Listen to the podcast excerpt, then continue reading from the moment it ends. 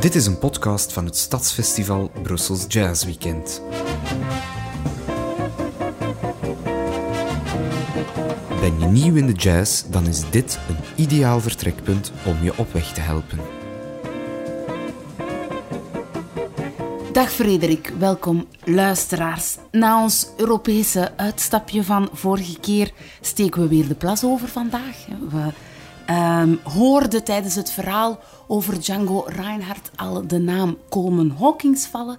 En als ik het mij goed herinner, kwam die al eens ter sprake in een vorige podcast. Ja, ja, toen we het hadden over Fletcher Henderson, herinnert u dat nog? Dan Ja. had ik het ook over Coleman Hawkins, die aan de zijde van Louis Armstrong zijn instrument, de saxofoon, leerde spelen zoals Armstrong hem dat voordeed. En eh, in één beweging de saxofoon als echt jazzinstrument gaat eh, ontdekken. Hij is de vader van de saxofoon in de jazz. Hij zat voor een groot deel van de jaren 30 in Europa. Hij was in 1934 naar Europa gekomen om eh, een tournee te doen met een Engelse bandleider. Die man heette Jack Hilton. En Europa, dat is een welkome thuis voor jazzmuzikanten, want veel zwarte jazzmuzikanten kwamen er al heel snel achter dat Europa een veel welkomer plaats was dan de Verenigde Staten. In Amerika waren jazzmuzikanten tweederangsburgers en als je daar bovenop nog eens zwart was, ja, dan was je een derde, dan was je eigenlijk quantité négligeable. Maar hier in Europa waren dat artiesten, waren dat, eh, dat grote figuren die, die met eh, de nodige egaars worden ontvangen. En de rest van de jaren 30 zit Coleman Hawkins hier in Europa, maakt opnames onder andere met de Ramblers in Nederland. Die ken je misschien wel, die band de Ramblers van Wie is Loesje, wie is toch dat snoesje? Ken je dat soort dingen. Nee, Eh, maar ik voel dat ik echt iets mis, dus ik ga dat eens opzoeken. Ja, dat moet je zeker doen. Dat is, dat is zo leuk. En natuurlijk Django. Django Reinhardt. En het is misschien eens leuk om eens te beginnen met een all-star jam sessie van Django Reinhardt. En naast zijn zijde een aantal grote Amerikanen. Coleman Hawkins voorop natuurlijk. Maar ook Benny Carter. Dat was een alt-saxofonist, arrangeur, componist. Die ook samen met eh, Hawkins in de band van Fletcher Henderson gezeten had. En zo hangt alles in de jazz als een heel moeilijke puzzel aan elkaar vast. Dit is Crazy Rhythm Django Reinhardt en de All Stars Jam.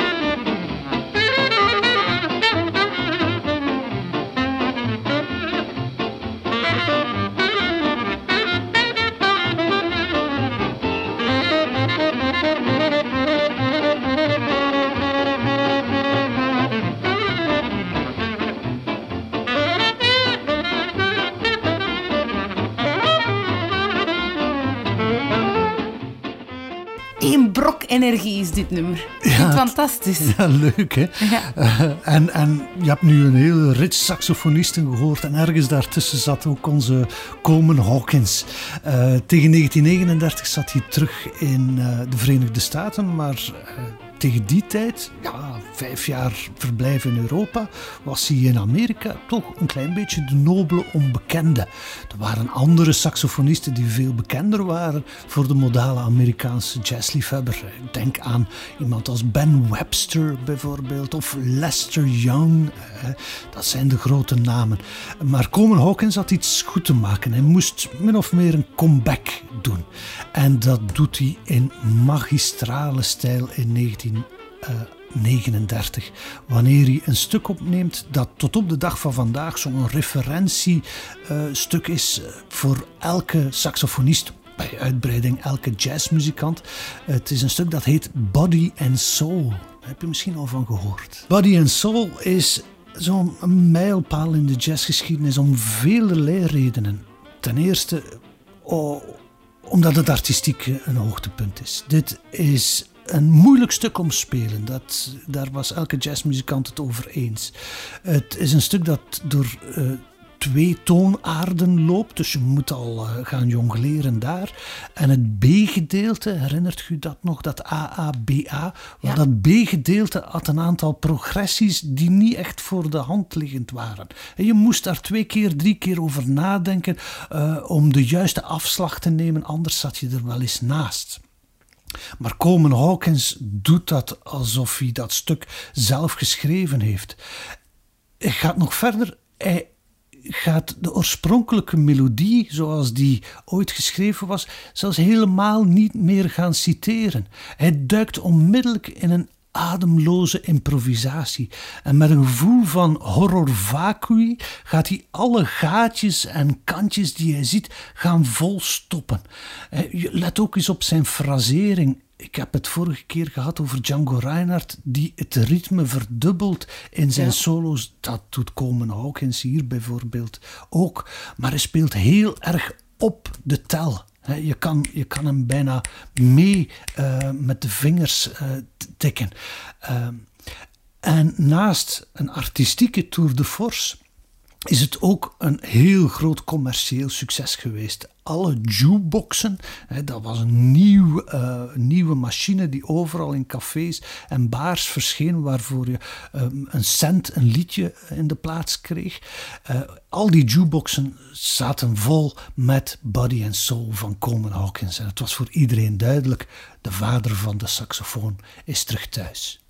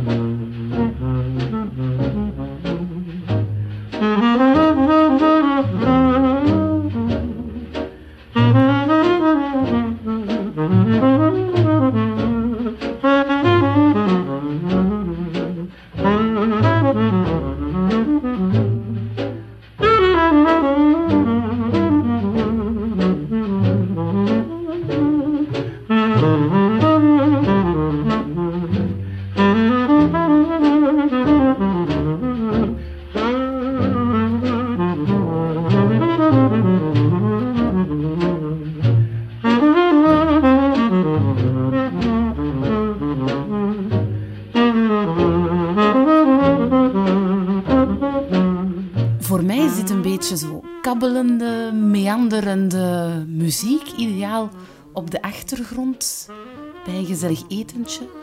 Maar ik vermoed dat ik het dan wat onderschat. Coleman Hawkins zei zelf, het is, het is een soort uh, muzikale equivalent van een lekkere vrijpartij.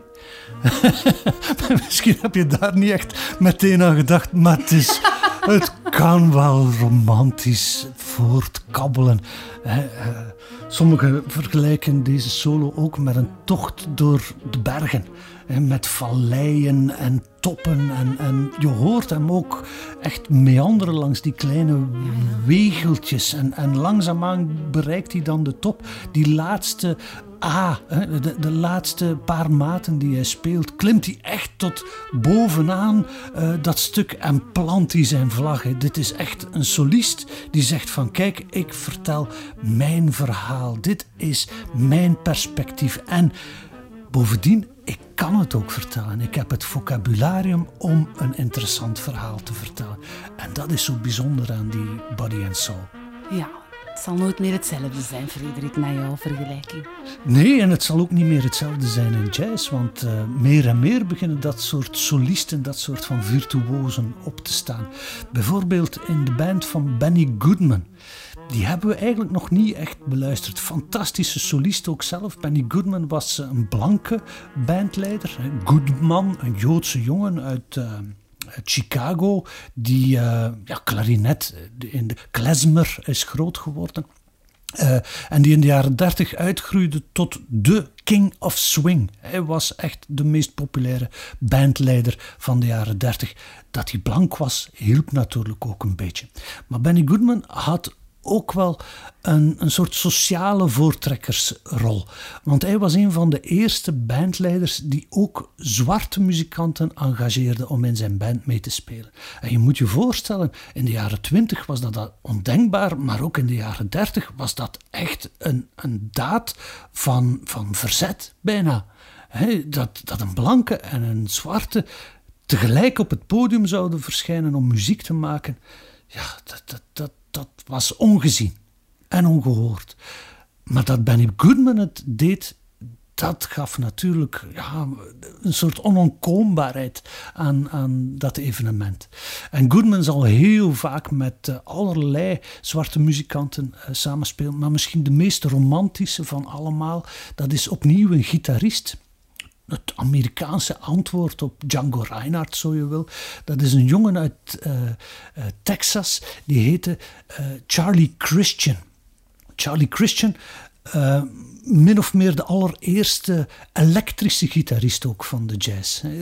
Tegen het eind van de jaren 30 had men ook al uitgevonden dat men zo'n gitaar kon versterken, in een versterker steken en zo kon een gitarist, solist ook opboksen tegen het lawaai dat al die blazers produceerden.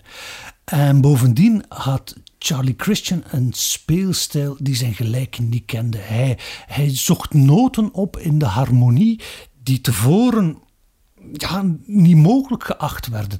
Maar in zijn chromatische, eh, dat, dat bedoel ik met allerlei passeernoten, uh, die natuurlijk makkelijk te zien zijn op een gitaar, eerder dan op een blaasinstrument, uh, ontwikkelt hij een stijl die heel erg avant-gardistisch is, bijna heel erg modern. We zullen eens heel even proeven van die stijl van Charlie Christian samen met de band van Benny Goodman. Dan kan je ook eens Benny Goodman uh, beluisteren in een arrangement van Fletcher Henderson van een stuk dat werd geschreven door Fats Waller. Dus we hebben hier een hele stoet van jazzlegendes in één stuk. Het heet Honeysuckle Rose.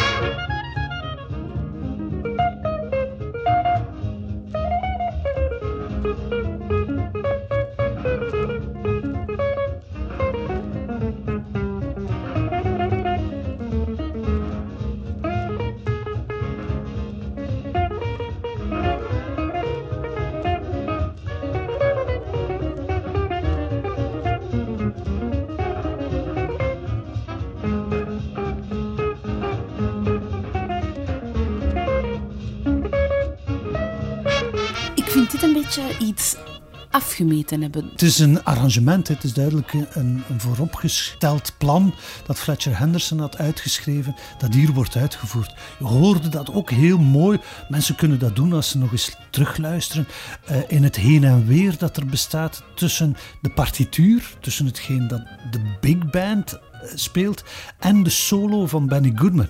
Het is een soort call and response, vraag en antwoord. Benny Goodman speelt iets, de band antwoordt. Dan weer Goodman, dan weer de band.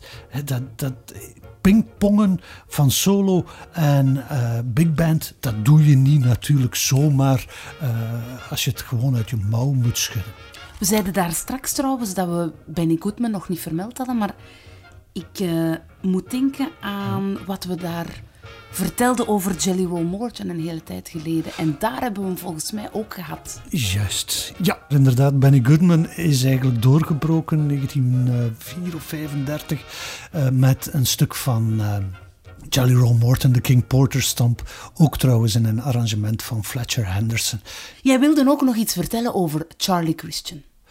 Ja, ja, want uiteindelijk, het is daarvoor dat we naar geluisterd hebben, naar dit stuk. Die, die gitaarsolo, die meer en meer loskomt van de melodie. Uh, als je het liedje Honeysuckle Rose kent.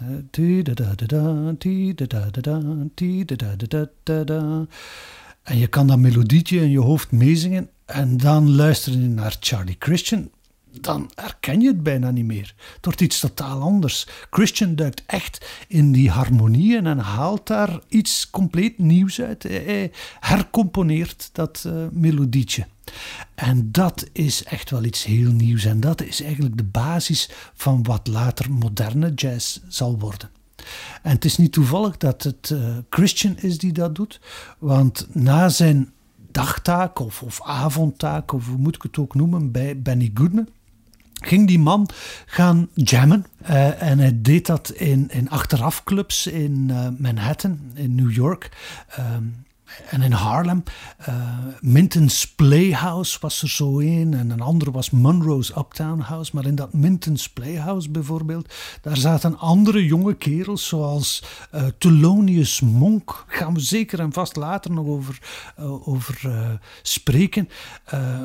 maar dat was een heel bijzondere eigenzinnige pianist. Dizzy Gillespie op trompet. En die bracht af en toe ook wel eens een zekere Charlie Parker mee. En samen met Charlie Christian en nog een aantal jonge wolven gingen ze voor zichzelf gaan improviseren en jammen.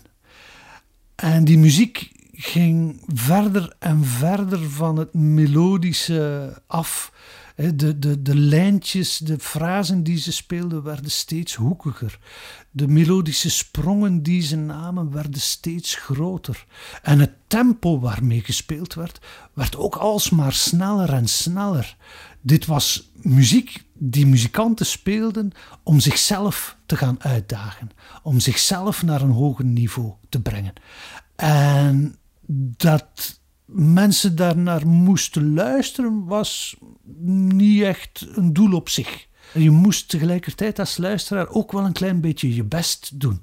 Net zoals die muzikanten die muziek naar een hoger niveau willen tillen, moest je als luisteraar ook een klein beetje je bijscholen. Je, het was bijna een geloofsprong die je moest doen om, om weg van die dansvloer te gaan en, en jazz puur als dansmuziek te beluisteren, of, of weg van die ballads te gaan, maar eens echt te gaan genieten van de virtuositeit van een solist. En dat is een ongelooflijke ommekeer die in jazz gebeurt tijdens die periode van de Tweede Wereldoorlog. En waar Charlie Christian uh, mee aan uh, de wieg stond. Jammer genoeg zal Charlie Christian de vruchten van dat werk in die achterafclubjes niet meer kunnen plukken.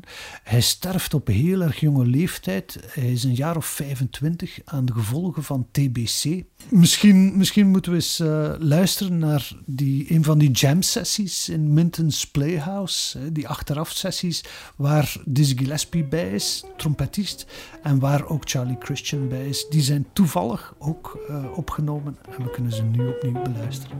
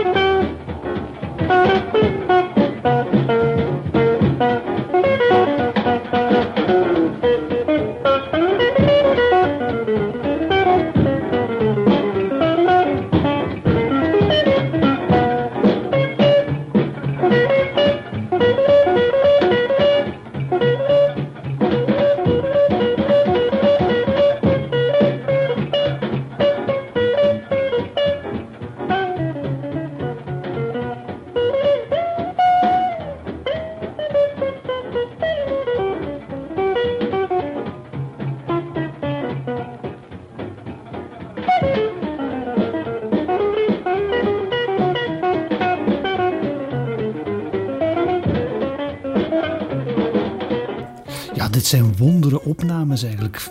Sowieso dat ze er zijn, dat ze ooit gemaakt zijn, want ze worden op een periode gemaakt dat er uh, een recording ban wordt uitgeroepen. Een opnamestop is uitgeroepen door de vakbond van muzikanten uh, vanaf ongeveer 1943 en dat duurt tot pakweg 45 mogen er geen plaatjes niet meer opgenomen worden. En dat had wel een reden, want uh, ik heb daarnet verteld over de jukebox, die, die nieuwe speler die overal de kop opstak. die jukebox die was natuurlijk veel goedkoper om te plaatsen voor een café uh, dan een dan band. een artiest uit te nodigen. Voilà. Oh. Ja. Dus je kon eigenlijk de hele avond plaatjes draaien. En artiesten voelden dat, dat ze veel minder werk hadden. En dan was de ja, misschien een beetje naïeve redenering van, wel, als wij nu eens stoppen met plaatjes op te nemen, dan gaan op de duur die jukeboxen leeg staan. Staan die jukeboxen leeg, mensen zullen altijd willen blijven dansen en uitgaan, dan gaan ze ons moeten terugvragen. Wat een protestactie. Ja, fantastisch. Hè? Ja. Maar laat dat nu net het moment zijn dat die recording ban wordt uitgeroepen, dat mensen als Charlie Christian, die jazzmuziek aan het herdefiniëren zijn. Hè? Want we hebben het daarnet gezegd, een jonge kerel is op dat moment 3, 24 jaar oud. Uh, het is onvoorstelbaar eigenlijk hoe hij kan spelen. Het is duidelijk een virtuoos, maar tegelijkertijd, wat hij speelt is zo nieuw. Er is niemand die het hem heeft voorgedaan. Hè. Hij, is, die muziek letterlijk aan het herdenken, aan het, aan het, uh, een nieuw perspectief aan het geven. En uh, dat deed hij niet alleen, maar ook al die andere kerels.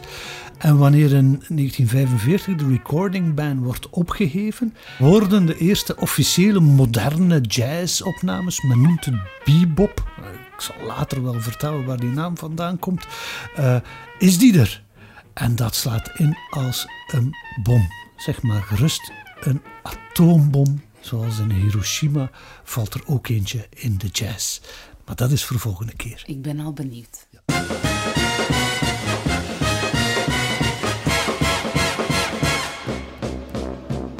Bedankt Ellen Leemans en Frederik Goossens. Jazziness wordt gemaakt door het gratis stadsfestival Brussels Jazz Weekend. De volgende editie vindt plaats op 29, 30 en 31 mei 2020. Meer info over het festival vind je op brusselsjazzweekend.be. Abonneer je op de podcast om op de hoogte te worden gehouden wanneer nieuwe afleveringen verschijnen. Vind je dit een leuke podcast? Geef ons dan een goede review. Zo worden we ook makkelijk gevonden door nieuwe luisteraars.